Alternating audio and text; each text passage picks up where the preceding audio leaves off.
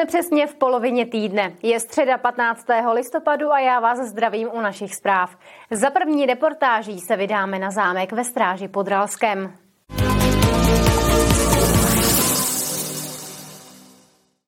Ve stráži pod Ralskem pokračují v opravách zámků Wartenberg.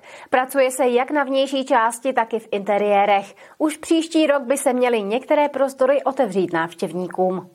Letos je tomu 19 let, kdy začaly na zámku Wartenberg první opravy. Do schátralé budovy město i s využitím dotací vložilo už více než 30 milionů korun. Práce přitom ještě zdaleka nejsou u konce. Momentálně dokončujeme fasády nebo fasádu západního křídla, eh, na kterou jsme získali eh, dotaci z Ministerstva kultury. Eh, potom jsme také zvládli už opravit i osm místností eh, v severozápadním křídle. Eh, na příští rok eh, chystáme otevření slavnostní pro veřejnost v rámci Vantemberských slavností. Tím doufáme, že se vrátí i duch historie do města. V současné době se probíhá vybavení mobiliářem dobovým za pomoci magistra Smahy historika a restaurátora. Kromě zámku se také pracuje v jeho bezprostředním okolí. Teď se například dělá nová příjezdová cesta z Žuly, která nahradila původní asfaltový povrch. Dochází k opravám uh, ulice Bezručovy, uh, konkrétně komunikaci, která spojuje náměstí 5. května a zámek. Vandenberg. Eh, ta cesta je sice úzká, ale má eh, výhybky takzvané, kde samozřejmě zajede auto a druhé bude moc proti směru projet. Nová příjezdová cesta by měla být hotová ještě letos do zimy. Teď se k zámku auta nedostanou. Upozorňuje na to i zákazová značka. Martina Škrabálková, televize RTM+. Jsou tu další zprávy, tentokrát ale stručně a začneme na téma zdravotnictví. Diabetologové v krajské nemocnici Liberec mohou díky speciální kameře nově vyšetřovat oči. Doposud mohli oční pozadí vyšetřovat pouze oční lékaři. Tuto službu chce nemocnice nabídnout i praktickým lékařům, kteří mají v péči velké množství pacientů s diabetem druhého typu. Liberecký kraj chce s novým jízdním řádem od prosince zajistit noční vlaky i ve všední dny, aby měli lidé možnost dostat se z kina nebo divadla. Zatím takové spoje jezdí jen v pátek a v sobotu. Zejména studenti využívající veřejnou dopravu prý pravidelně hodnotí dostupnost jako nedostatečnou. Ukázal to průzkum, který byl součástí vize Libereckého kraje po roce 2050. Muzeum skla a bižuterie v Jablonci nad Nisou vyhlásilo výtvarnou soutěž na novou podobu fasády tzv. Pelantova schodiště. Jde o betonovou přístavbu z roku 1964, kterou má muzeum u své hlavní budovy. Muzeum chce novou fasádu odhalit příští rok v květnu ke 120. výročí od svého založení.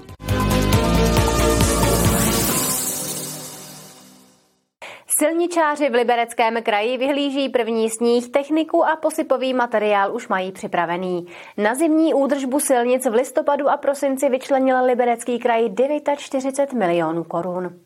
Jindy touto dobou už byly silnice a chodníky v Libereckém kraji pokryté sněhem.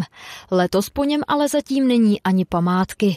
I přesto jsou silničáři připraveni kdykoliv vyrazit do ulic. Máme připraveno celkem 13 600 tun soli a podobný počet máme jinetního materiálu. Máme plné sklady. Máme nové tři kusy sypačů, jinak samozřejmě máme připraveno celkem 64 sypačů, 36 traktorových radlic, 10 fres, 2 grady, celkem 250 zaměstnanců se bude starat o průběh zimní údržby. Silnice LK mají na starosti více než 2000 kilometrů silnic druhé a třetí třídy.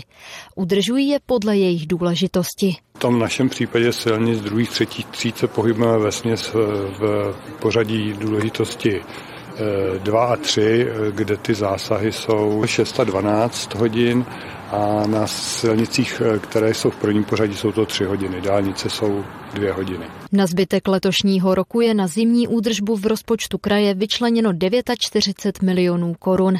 Pro příští rok jde o částku 145 milionů. Já si myslím, že se zhruba pohybujeme, eh, pohybujeme v nějakých, stand, nějakých standardních částkách. Nedošlo tam ke skokovému nárůstu. Samozřejmě závisí na, na tom, jaká zima je a my ty prostředky eh, které nevyčerpáme, využíváme potom na letní běžnou údržbu. V Libereckém kraji stále zůstávají místa, kde se silnice nesolí. Převážně jde o horské oblasti, kde starostové chemickou úpravu komunikací nepovolili, nebo ji nejde dělat kvůli ochraně životního prostředí. Jedná se například o úsek v Pasekách nad Jizerou nebo obci Krompach. Kateřina Třmínková, televize RTM+. Zámek v Doxech, kontroly jabloneckých ubytoven a nová výstava v Severočeském muzeu. To je další rychlý přehled zpráv. Na zámku v Doxech pokračuje obnova střechy nad jižním křídlem. Aktuální etapa zahrnuje opravy poškozené části krovu, laťkování a klempířských prvků. Střecha bude nově celá spálených tašek bobrovek. Stát to bude přes 2 miliony korun. Kontroly v jabloneckých ubytovnách budou pokračovat. Shodli se na tom zástupci všech institucí, kteří na první kontrolu těchto zařízení vyrazili v září. V ubytovnách je třeba řešit nejen podmínky, ve kterých lidé žijí, ale i bezpečnost obyvatel žijících v okolí, velké množství odpadu nebo přemnožené hlodavce a hmyz. Severočeském muzeu v Liberci je nová výstava zachycující život rodiny továrníka Ginskie. Jde o unikátní snímky ze skleněných negativů, jejichž autor je neznámý. V muzejním prostoru FOK se tak poprvé v historii představují celkem čtyři témata spjatá se známou vratislavickou továrnou na Koberce. Rodina, firma, Koberce a obyčejný život.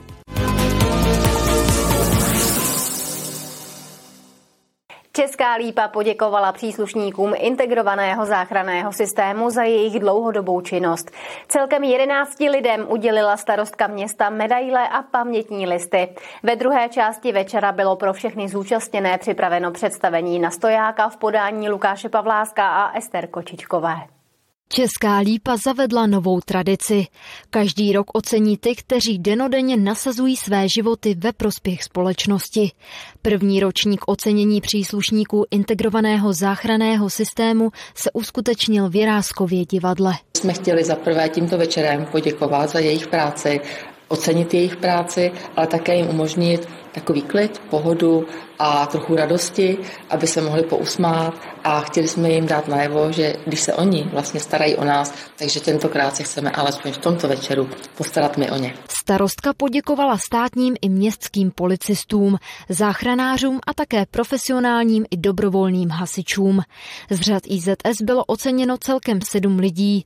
Jedním z nich byl i Dalibor Pospíšil. Městský policist jsem už sedmým rokem, teďka mi bude začínat osmi rok, vykonávám pozici strážníka. Moje práce eh, je superová, protože každý den vlastně je něco jiného, eh, nevím, co mě bude čekat a v tom je taková práce kouzelná. Každý den mě se čeká něco jiného a je to super, protože nevím, co mě jako potká ten den, koho zachráním, komu pomůžu. Záchranáři na ocenění nominovali Petra Prokopa, který už 23 let pracuje na pozici řidiče záchranáře. Na té práci mě baví především rozmanitost a podstata vlastní toho povolání protože jsme asi rozhodující článek ve chvíli, kdy je člověku život. Každý den je úplně jiný, to je asi to nejdůležitější. A vždycky o něco jde. Ta práce není jenom o veselých událostech, ale člověk je vždycky zahře, když tu práci udělá na 100% a ostatním pomůže. Kromě sedmi příslušníků IZS, které nominovali jednotlivé složky, ocenila starostka města i čtyři další. Ty vybrala sama. Šlo o osobnosti, které jsou pro město dlouhodobým přínosem. Kateřina Třmínková, televize RTM+.